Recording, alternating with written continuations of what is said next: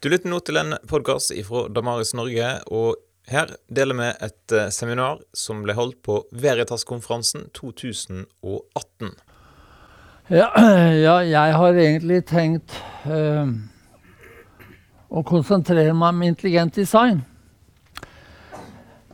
Nei, altså det som øh, jeg har som målsetning med dere, det er at når dere forlater dette rommet om ca. tre kvarter, så er dere overbevist slik, slik, som meg om at vår virkelighet ikke lar seg forklare hvis vi utelukker intelligente årsaker.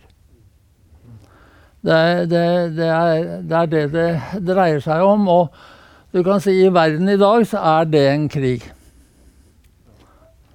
Og det er da en krig ateister mot teister. Og eh, eh, dette har f.eks. i Amerika tilspisset seg veldig, slik at hvis jeg La meg si eh, Hvis jeg hadde vært en aktiv professor i USA i dag, og så promotert intelligent design, så hadde det betydd at jeg skrev min egen oppsigelse. Så eh, Nei, for, for, å si det slik, altså De har, de har jo Mike Pence som visepresident. Og når jeg ligger litt sånn og tenker om natta, så hvorfor ikke skrive et brev til Mike Pence og forteller han om dette her? Fordi altså den ateistiske maktelite, det er de som på en måte har makten i USA, i hvert fall når det gjelder kultur, de, de tåler ikke at, eh, at, uh, at det skal være en intelligens i naturen, altså. Det, det, det, det Du kan si det at jeg, jeg Som dere ser, så er jeg en eldre herremann. Men jeg har vært ung en gang. Og noe av det som gleder meg veldig, det er at det er så mange yngre her nå som skal høre på. Fordi det er noe som heter å ha en stafettpinne og, og, levere den videre. Slik at hvis noen av dere tenner på det som jeg prøver å si, så kan jeg si at eh, hvert år så har eh, er det et intensivkurs i USA på intelligent design. Og de er veldig interessert i å, å, å få tak i yngre akademikere. Jeg tror det er ti dager, ja, og da og da har du verdens beste foredragsholdere, altså. Så, så, hvis dere tenner på det, så ja, ta kontakt med meg eller Steinar eller Kunne jeg bare sagt at jeg, jeg har tatt det seminaret sjøl, og det er eh, verdensledende vitenskapsmenn over hele verden. Det blir flydd inn fra de topp universiteter. Det er virkelig noe å anbefale. Altså. Og så får du jo da personlige venner, da. Med folk fra hele verden. Uh, for det, dette her med intelligent design, det uh, Altså For 50 år siden så visste vi veldig lite om det som foregikk inni en celle. Og de siste årene, la meg si, de siste 30 årene så har vår viten om det som foregår inne i en celle Og en celle er veldig liten. altså Gjennomsnittlig så kan vi regne med at det går 100 celler på en millimeter. Og eh, vår kropp består av et sted mellom 100 000 og 200 000 milliarder celler. Og det er, eh, det er, da har du 14 nuller. Hvis du skriver 1,5, da, så blir det 13 nuller. Så det, det, antall celler i vår Ja, nå skal jeg helt opp på eneren, da. Jeg, jeg, har med det bildet der bare for å jeg håper å si, starte litt jordnært, da. Ja, en, en, laks den fødes eh, et eller annet sted her på Vestlandet i en, eh, i en elv. Som nå blir svømmedyktig, så har jeg, har lært meg at den heter smolt. Jeg håper det er riktig. Og da svømmer den ned i havet. Havet er saltvann.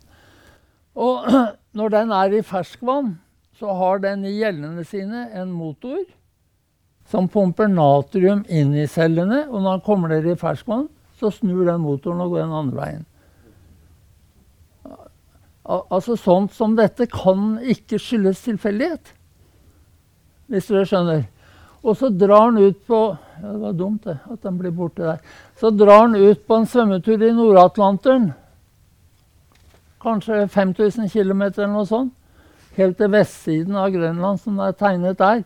Og så plutselig så får han det for seg at nå skal jeg snu og hjem igjen. Og da har han en størrelse som passer til et norsk middagsbord. Det syns jeg også er flott. Og så svømmer han tilbake, og så finner han fram til den fjorden, eller den elva han var født i. Og vitenskapen de har jo lurt på dette her. Og så sier de, det rådende synet i dag da, det er at den fisken den navigerer etter geomagnetisme. Nå ser jeg her Skagerrak utover der. Hvis dere setter av gårde der sånn på en båt, og så blir det tjukk tåke, og så er det omgitt av vann på alle kanter og bare tåke, så klarer ingen av dere å navigere etter geomagnetisme. Men det klarer altså laksen. Og jeg, jeg, jeg, når jeg kjørte hit, så brukte jeg en GPS i bilen min. Øster... Hva heter det for noe? Østerhusmonaen. Ja, så brukte jeg en GPS. Og den GPS-en i bilen min den har ikke blitt til av seg selv ved tilfeldighet. Den er det masse ingeniører som har sittet sammen og jobbet for å, for, for å konstruere. Men altså laksen er født med det. OK.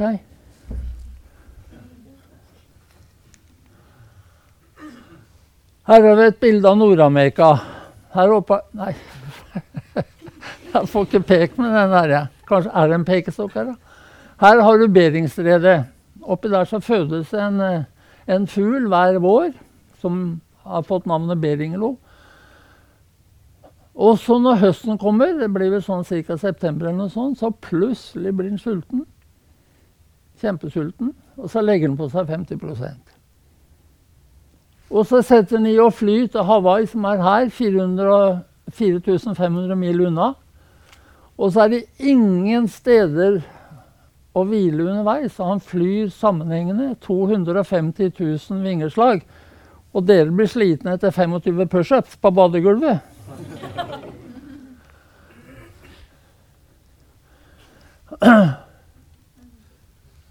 Men han ville ikke nå fram dit hvis den ikke fløy i V-formasjon. For da sparer den 23% av energien sin. Og så hvis den ikke flyr i 51 km i timen, så vil den også ha problemer for å fly fortere eller saktere enn 51 km i timen, så bruker den mer energi. Så unnskyld meg, men jeg ser en skaper her òg, jeg også. Jeg klarer ikke å finne noen annen forklaring på dette enn et skaperverk. For hvem i all verden har lært den fuglen å fly i V-formasjon? Og så er det ikke nok med det at han flyr i V-formasjon, men han flyr akkurat på det stedet hvor bølgene fra nabofuglene gir mest optimal energisparing. Sånn. Nå har jeg gitt dere litt bakgrunn av makrokosmos. Ja, så er det intelligent design. Og Hvis vi da skal være ærlige, så, så er intelligent design sliter å bli akseptert i Norge. Og Derfor er det veldig gledelig å være her hos dere. Og kanskje noen av dere ikke er kjent med, med disse tankene. Intelligent design stiller ett spørsmål, egentlig. Og det er Fins det forhold i vår virkelighet som naturalistiske mekanismer vanskelig kan forklare, og som best forklares med intelligent aktivitet. Det er, det er spørsmålsstillingen. Også naturvitenskap, science. Lennox snakker jo veldig mye om det, og vi hadde en time nede her nå også. Det dere må vite, da, er at det rådende syn på naturvitenskap i Norge, det som altså dere lærer på skolen, og barna deres lærer på skolen, regner med to årsaksmekanismer. Det ene er tilfeldige reaksjoner mellom materien og energi. Altså helt tilfeldig. Hvis vi skal si eksempel på noe som er tilfeldig, da plutselig så kommer styrtregn, og så er det noe som raser ut og drar med seg et hus. Er, sånne ting er helt tilfeldig. Og, men man sier også naturens lovmessighet er også en faktor, da. Men det må dere vite at naturlover kan ikke skape noe som helst. Naturlover bare beskriver noe som eksisterer. Og det kan ikke skape noe. Og det betyr altså at det i, i Norge i dag så er det de to årsaksmekanismer som makteliten, akademisk elite, sier er nok til å forklare vår virkelighet. Så intelligente årsaker i naturen avvises. F.eks. å gi en forklaring på det jeg viste med disse to fisken og fuglen. Og Jarl Giske, som kanskje noen av dere eh, kjenner, det er bare et par uker siden han kom med det utsagnet der også. Vitenskapen kan ikke bruke Gud som forklaring. Så der er vi. Og ja. Kan jeg kommentere det? Kunne han og godt han ikke sa vitenskapen kan ikke bruke intelligente forklaringer. Altså. Nei, altså dette er helt ordrett hva, hva, hva han skrev, da. For jeg håper ikke han har misforståelser. I, i, I, forrige time så snakket vi om konflikten mellom vitenskap og tro. Men det som dere må være klar over, at den vitenskapen som har konflikt med troen, da, utelukker intelligente årsaker. Og en intelligent årsak som var der før noe fantes, er jo det samme som Gud. Og det kan jo egentlig aldri forenes. Men, men eh, jeg har brukt noen timer på, på, å studere dette her. Jeg tror det er helt ålreit med de to årsakene for død natur altså la meg si geologi og, og, meteorologi og alt sånt noe. Altså Der hvor det er død natur, så tror jeg de to årsakene eh, kan forklare. Men i det øyeblikk vi snakker om liv, så er jeg helt overbevist om at det går ikke an å utelukke intelligente årsaker når det gjelder livet. Derfor er det en ja, Tragedie er et dumt ord, men derfor vil vi ha problemer så lenge vi definerer biologi som naturvitenskap. Men hvis vi definerte biologi som et eget fag atskilt fra naturvitenskap, så hadde vi ikke det problemet. Ja. Bare, jeg tror det største problemet her er at man ikke forstår at uh, det du snakker om, er teknologi. Og alle teknologiske systemer har ikke sin årsak fra naturlover. Den har sin årsak av ingeniører som bruker hodet sitt og til å tenke fritt til å komme opp med nye innovasjoner. Så jeg tror egentlig det er, det er løsningen. At det, har du det verdensbildet der, så fornekter du at kroppen vår er teknologi. Ja, og så beskyldes intelligent design ofte for at det er jo en forklaring. God of the gaps er liksom en forklaring, da. Altså, gaps er hull i vår viten. Og ofte har vi sagt at når vi ikke vet noe, så har vi sagt at det er Gud. Og det er liksom eh, simpleste sort, da. Men ID argumenterer ut fra hva vi vet. Og hva er det vi vet? Jo, rekk opp hånda her, den av dere som mener å kjenne til informasjon som ikke kommer fra en hjerne. Altså All informasjon vi mennesker kjenner til, kommer fra en intelligent kilde. Vi kjenner ikke til informasjon som ikke kommer fra eh, en intelligent kilde. Og vi vet at livet beror på informasjon som fins i DNA. Og DNAs informasjon det er ikke en hvilken som helst informasjon.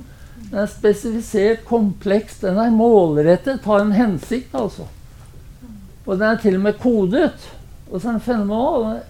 Den er så moderne at den er digital. Selv om man har ligget der i aldri så lenge.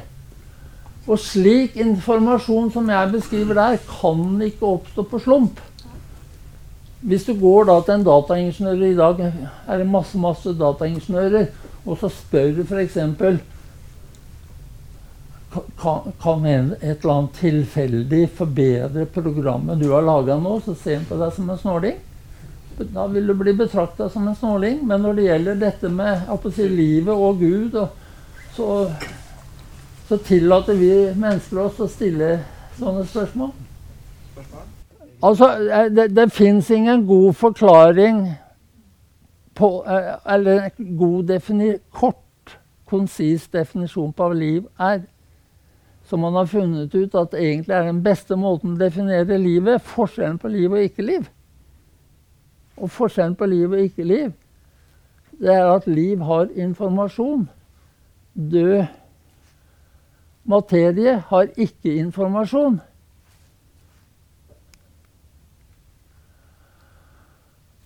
Og nå skal jeg bare si litt, Vi har ulike former for informasjon. Men jeg vil si litt om skapende informasjon, da. Det er to andre ord for det. Også aktiv informasjon, og, og gjerne også uttrykket preskriptiv informasjon. Og livet forutsetter skapende informasjon.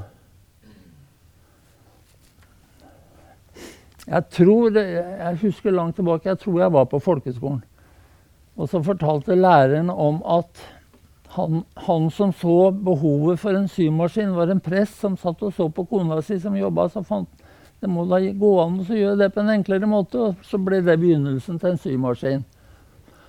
Slik at eh, all nyskapning starter med at du ser et behov, og så analyserer du hvordan du skal dekke behovet.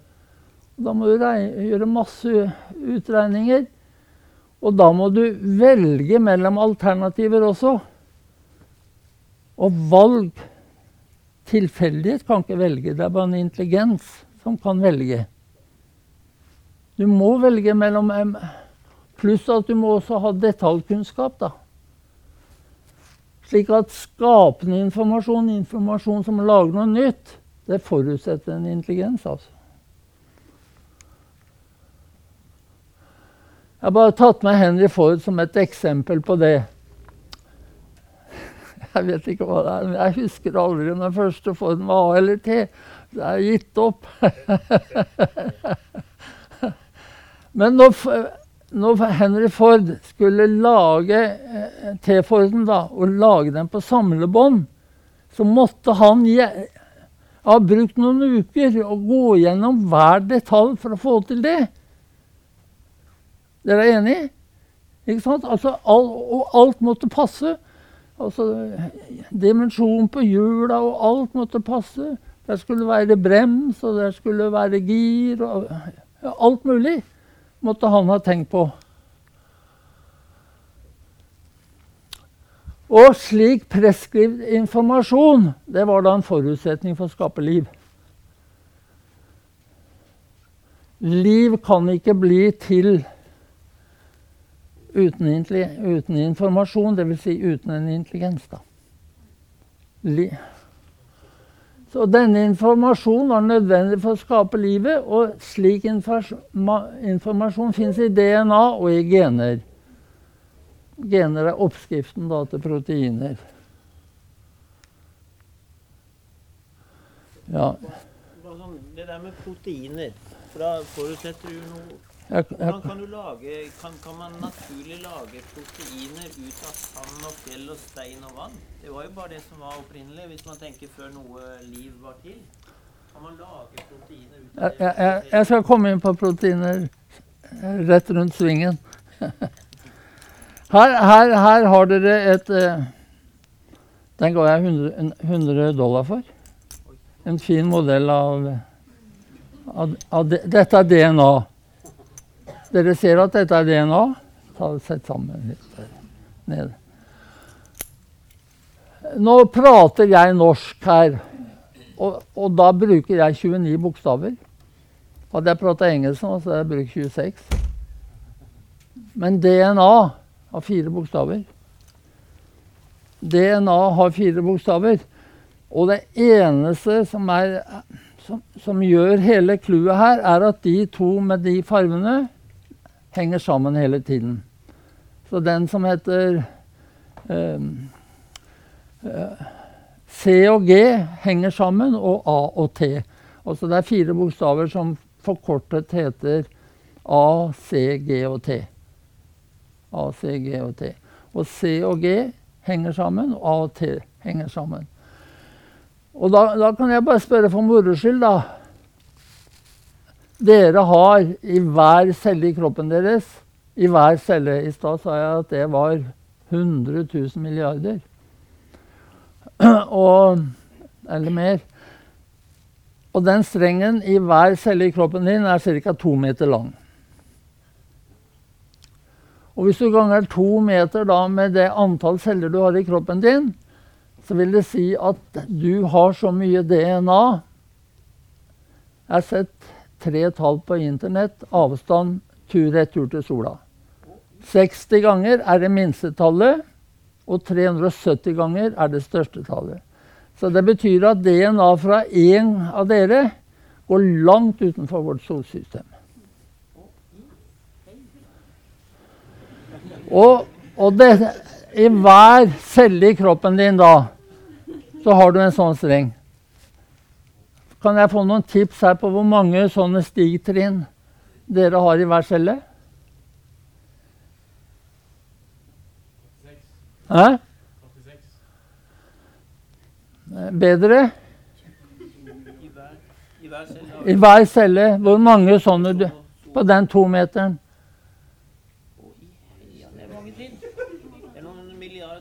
Ja, 3,2 milliarder. Du har 3,2 milliarder.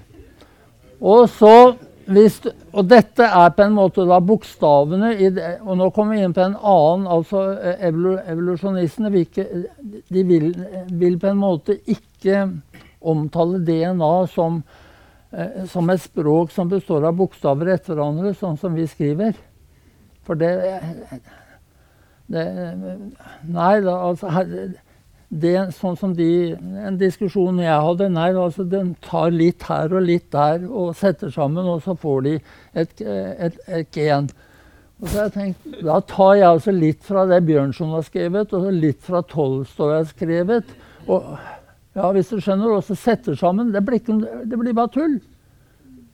Al altså for, Hvis du har de seks bokstavene her nå Flaske og så snur du på S og K, så får du flakse.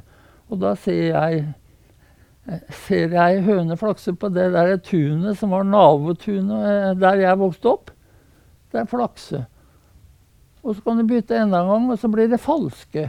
Det er de samme seks bokstavene, men bare rekkefølgen gjør at betydningen blir totalt annerledes. Og det betyr at 3,2 milliarder bokstaver må følge ettvannet på rett måte.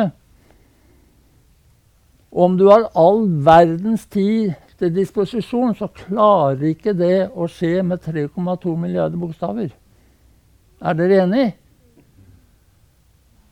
Altså, noen må ha valgt rekkefølgen for at dette her skal danne språk.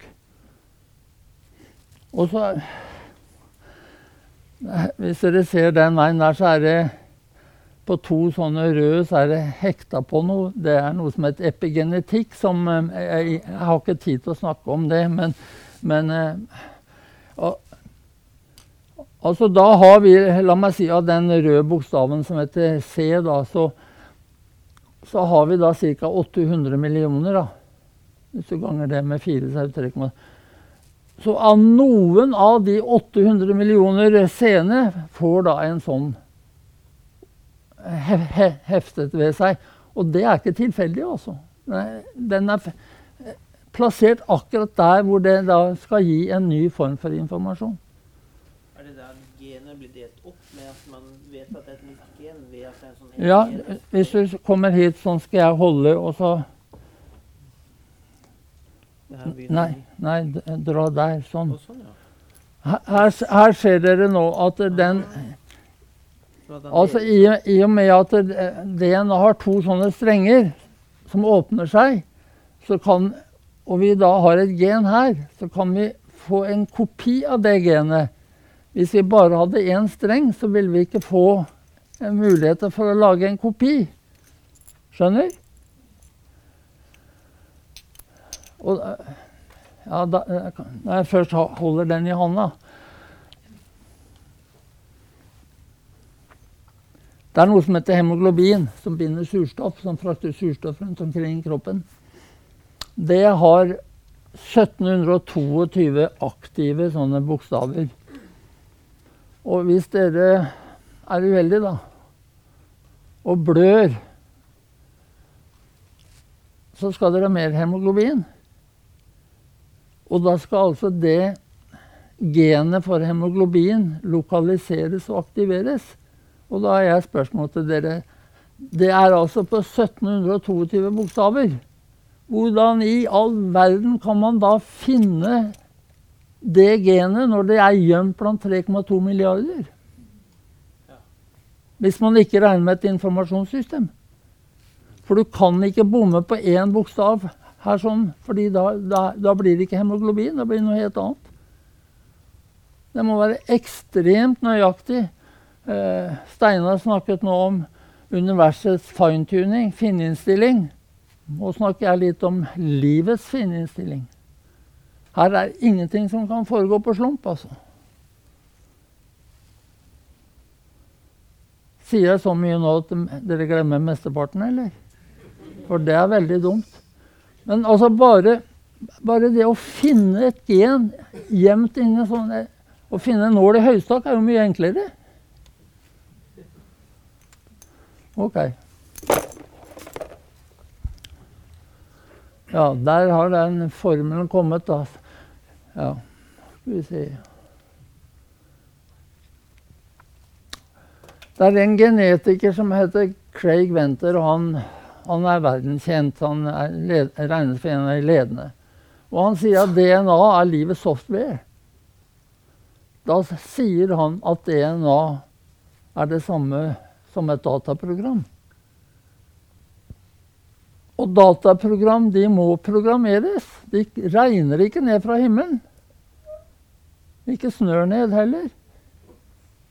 De må programmeres. Og de må programmeres av noen som kan det. Så DNA er også programmert av en som kan det. Det må være en intelligent skaper som har laget DNA. Og personlig ser jeg på DNA som Guds logos. Altså Johannes-evangeliet. Ja. Og ordet. Bare hos Gud.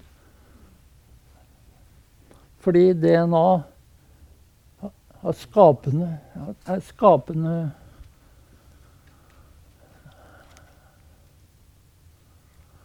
Ja. DNA består, det heter nukleinsyrer. De der, der nukleotider, altså de, det jeg kalte bokstaver. De fire der. Og så består det av den der eh, rosa der, det er sukker. Og, og så er det Ja, jeg har gått tilbake nå. Og så er det en jeg jeg håper å si, gåseøynene er forelska i. Gå inn på YouTube og, og, og finn fram foredrag han har på YouTube. Han heter James Tour. For tre år siden så hadde han tror jeg, 670 publikasjoner. Og hva han har i dag, vet jeg ikke. men... En, topp tre kjemikere i verden. Ja, han, han, er, han, er, helt på topp. Og han, han, han, driver da og lager ting, men han starter fra scratch. Han går ikke inn i en, og bestiller noen substanser fra en kjemisk Han lager alt selv. Starter med molekyler. Så han vet hva det vil si å lage noe fra scratch. da. Og livet måtte lages fra scratch. Og han kan dette her, og han sier ingen av disse fire bokstavene i DNA kunne blitt til på jorda før liv fantes. Legg merke til hva jeg sier, da. Sier, han, nå siterer jeg en av verdens ledende proteinkjemikere. Han sier at ingen av disse substansene her i DNA kunne bli til. Og han sier om sukkeret det fins ikke én kjemiker i verden som har minste peiling på hvordan sukker kunne bli til på jorda før liv fantes. For de vet ikke Da bruker han uttrykket 'pathway'. De vet ikke hvor de skal starte henne for å kunne lage sukker. Så, så, så DNA-molekylet, altså Naturvitenskapen kan ikke forklare hvordan DNA blir til. Ta også Bevæpne dere nå med argumenter mot samtale med ateister, da.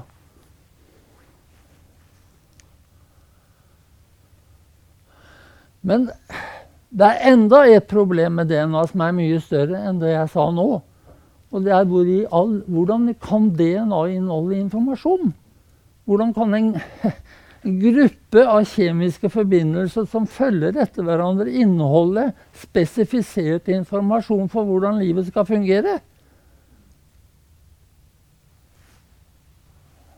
Og da kommer vi tilbake til det som vi startet med, at informasjon kommer bare fra en intelligens.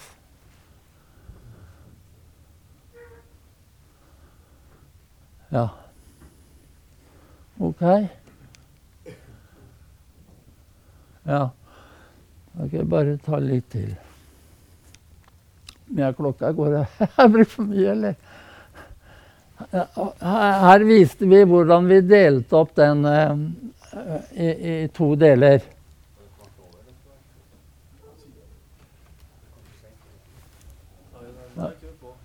Ja, og her blir det dannet da en avskrift. Den heter mRNA. M står for messenger, er budbærer.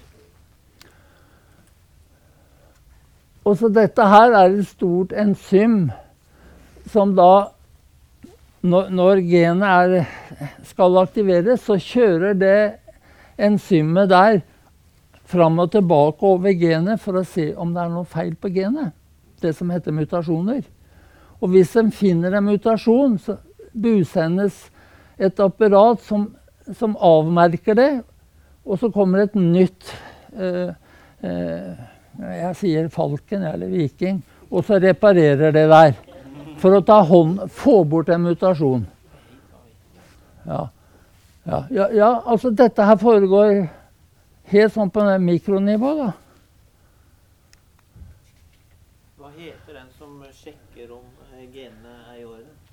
RNA-polymerase heter den. Og så, når da denne kopien skal lages, som jeg viser dere der, så er det en her... Dette tar jeg med bare for å vise dere at dere skal forstå at dere, for å lage en kopi av det genet, så er det nødvendig med en hærskare med proteiner. De alle disse her sånn må være til stede for å få avskriften.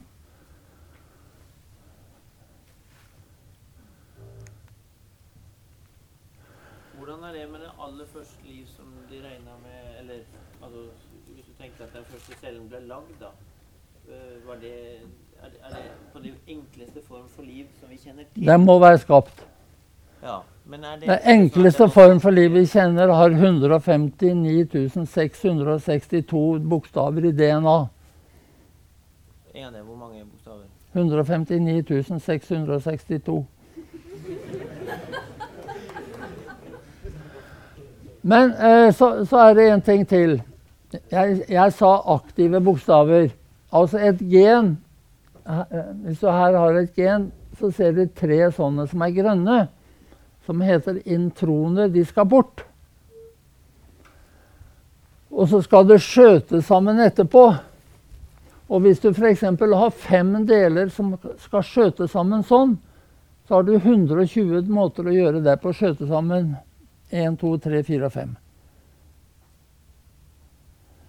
Så da, da skjønner du at når du har alle disse Altså de grønne delene i den første eh, avskriften skal bort. Og, og, så skal du skjøte sammen det du har igjen. Så må det være en intelligens som skjøter på rett måte. For hvis du skjøter ikke på rett måte, så får du noe helt annet. Og vi vet at noen gener de kan f.eks. gi ja, jeg, jeg sier 3000 proteiner, men jeg tror det er enda flere. Altså så Pga. den mekanismen her så kan altså ett gen Når det koblinga her skjer på ulike måter, gi opphav til en rekke proteiner. Og så er det bare én måte å gjøre det på som er riktig for hvert protein. Skjønner dere at livet ikke lar seg forklare uten informasjon? Og dette bildet tok jeg med som spliceosom. Det, dette er et enzym som, som skjøter delene. Og når jeg eh, leste om det første gang for fire-fem år siden, så sto det i bøkene at det, det var det mest komplekse proteinmolekyl i hele kroppen. For det består av jeg tror det stod over 300 proteiner. Men nå er det visst eh, har vi funnet noe som er enda større. Men ser dere hvor mye som skal til bare for å foreta den skjøtingen, da?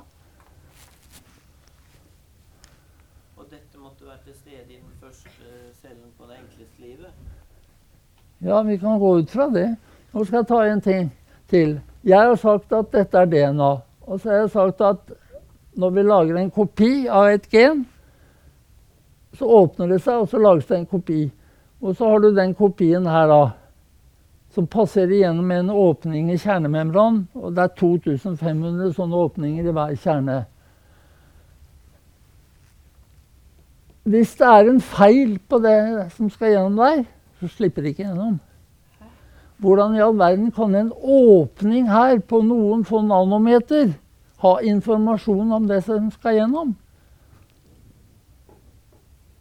Ser dere en skaper? Ser dere en mektig skaper? Så neste gang du ber til Gud, så er det ikke bare sånn det åndelige. Du ser en som ja, er overalt, altså. Og så legger det oppskriften seg her, og det der er universets minste fabrikk. Det er proteinfabrikken. Så her kommer aminosyrer, og så danner en streng. Og alt her skjer etter den informasjon, bokstavene her sånn, i, i, i oppskriften. Jeg går videre, så ikke dere drukner helt. Her ser dere disse åpningene i kjernen. Når jeg kjørte hit, så har jeg bilen i kjelleren. Og så har jeg to sånne porter som jeg bruker med fjernkontrollen. Så hvis de ikke hadde gått opp, så hadde ikke jeg kommet dit. Og det stoffet som skal gjennom her, hvis, hvis det eh, ikke er riktig, så tar de trådene der og går ned der og eser opp og stenger. Er ikke det fantastisk? da? Ja, den tror jeg vi håper. Har vi sett nå, da? aminosyrer. Dette er aminogruppen, og dette her borte er syregruppen acid. I kroppen vår er det 20 aminosyrer som brukes til å bygge opp proteiner. Så proteiner kan bestå av, av de 20 aminosyrene. Men i naturen er det over 500. Slik at her er det også et valg av aminosyrer av aminosyrer, da. Jeg sa vel ikke dette her, men hvis du sender polarisert lys gjennom en kjemisk løsning, så vil det lyset svinge til høyre eller venstre. Alle biologiske sukkerarter dreier lyset til høyre. Og det må være 100% Du kan ikke ha noe som dreier til venstre, for det er uforenlig med, liv. Alle aminosyrer i kroppen vår de dreier da lyset til venstre. Naturalismen har ingen forklaring på hvordan det kan være bare venstredreiende aminosyrer. De aner ikke. Ja. Da får jeg gå videre. Den har vi da sagt Har jeg brukt for mye tid?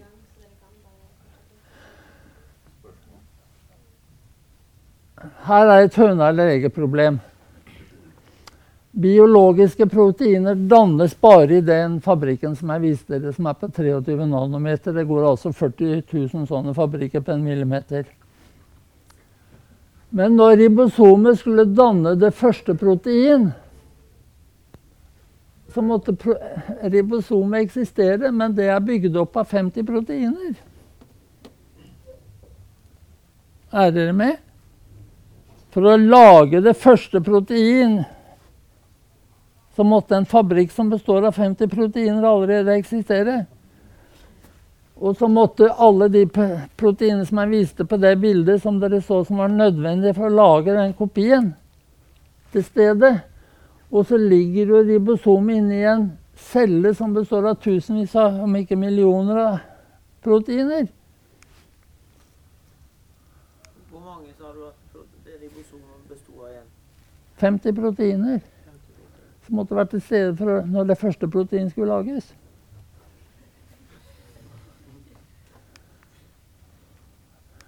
Jeg går litt videre nå, for jeg har en ting til at jeg har, har lyst til å vise dere.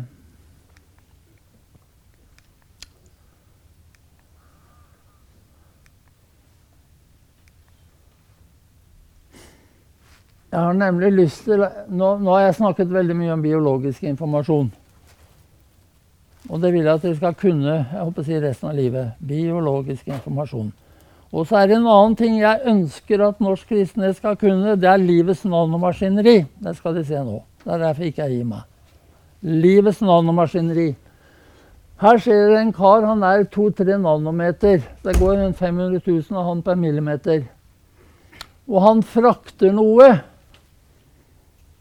når jeg var liten gutt Jeg vokste opp i en fattig kommune som heter Skjeberg, så jeg gikk på folkeskolen annenhver dag. Og de andre dagene var jeg visegutt hos baker Halvorsen. Og så fikk jeg brød som jeg da skulle levere til overingeniør fru Olsen i Kullåsparken. Men da hadde jeg en adresse. Så han karen her har da gått til en adresse for å finne eh, eh, lasten sin. Og så er det noe helt fenomenalt. da. Han går da på en del av skjelettfiberen. Og når han har kommet til rett sted og levert lasten sin, så forsvinner så, så, brytes den fiberen han gikk på, ned. Og så bygges det en ny fiber som viser neste sted han skal gå. Hva slags boller han leverer?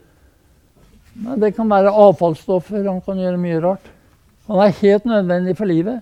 Han er helt nødvendig for Hver gang en celle hos deg deler seg, så er det han som trekker til hver side.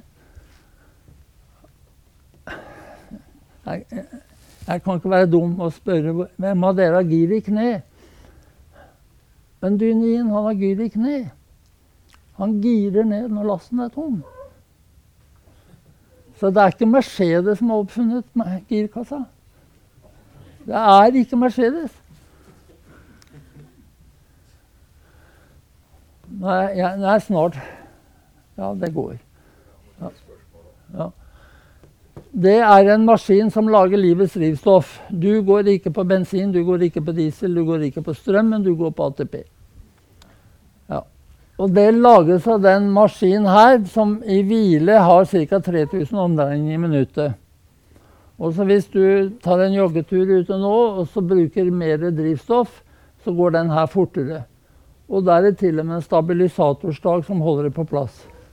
Så den kan gå som en Ferrari-motor. Er ikke fenomenalt, da?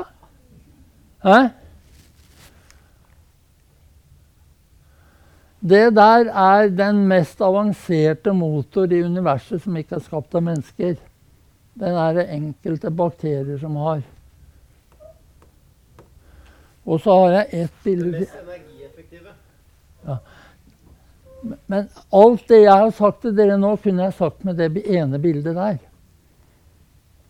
Her har du, er, De platene der er celleveggen. Celleveggen er to lag.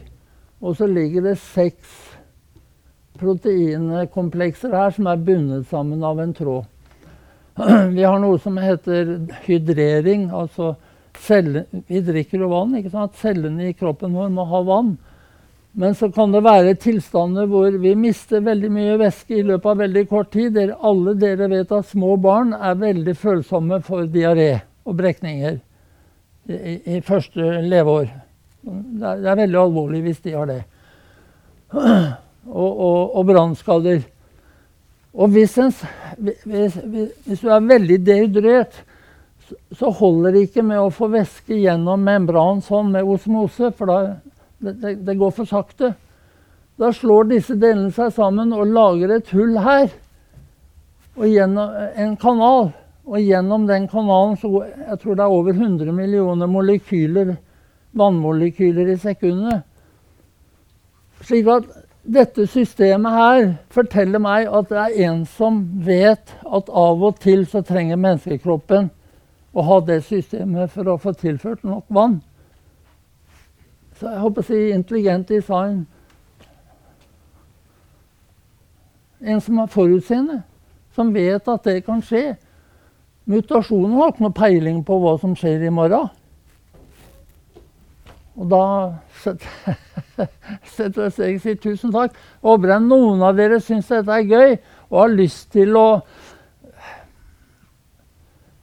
ja, ta kontakt med oss. Ja, så kom så, Fordi Kristen-Norge er revolusjonistisk, og, og, og vi må snu det rundt. Ja. Her har jeg forkynt altså Gud som skaper hele veien.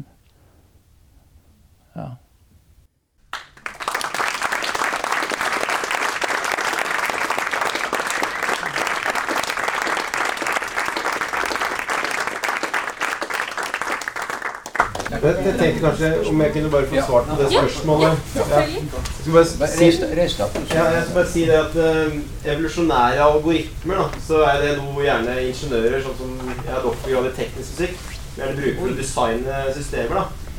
Uh, og det det bygger på, er at man har gitte constraints, da, områder der du tillater at endring kan skje, og så lokker du det inn til det rommet. Eh, og, så, og, så og, så, forteller du måte, algoritmen hva den skal selektere. Da. Så det er helt motsatt da, av, det, av, det, som skjer da, i f.eks. nydarwinismen, hvor alt er tilfeldig. Altså eh, støy og filtrering. Men vi ser nå at det er et paradigmeskifte også i, ja. i, uh, i det at på en måte, I 2016 så ble det på en måte sagt at nydarwinismen på en måte er, er død. da. Det var et sånt svært møte i London. Og der er det nye ideer da, på at det også, også levende systemer er mye mer intelligente enn det vi, det vi tror. Da. Vi tror bl.a. at det, organismer kan lage mutasjoner på visse steder i DNA for å finne nye løsninger på å løse problemer i nåtid. Eh, og problemet med det for folk som f.eks. Jerry Coyne, da, som er et av verdens mest kjente nydeorganister, det er at det, hvis du sier at det levende materialer er intelligent i deg selv, at det er agency i hver eneste organisme på jorda, så er det sånn at da Det er et ovenfra ned eh, kausalitet, ikke nedenfra opp. Så det bare stiller spørsmålet enda lenger på livets opprinnelse. Altså, hvis det er så intelligens, da blir bare gapet opp enda større. Så evolusjonære algoritmer Masse intelligens som puttes inn i den algoritmen for å i det hele tatt designe noe. Mens eh, tilfeldige mutasjoner, støy og naturlig utvalg, filtrering, det er totalt blindt. Du har ingen foresight, du vet ikke hvor du skal, du vet ikke hvor du går, du vet ingenting. Så det er altså Så, så det er ingen Revolusjonære algoritmer har absolutt ingenting med nydarwinisme å gjøre. Og, og, og, og, det er en nettside som heter evoinfo.org. Eh, og det er eh, intelligent designfolk som står bak. Og jeg bare si at det, det er intelligent det vet Steinar ganske mye om, at det er intelligent designfolk som er ledende i verden på det som heter evolutionary informatics. Altså hvordan informatikk evolverer seg da i datamaskinen. Jeg syns jeg har vært flinke. Jeg må klappe for dere. Sitte her hele tiden.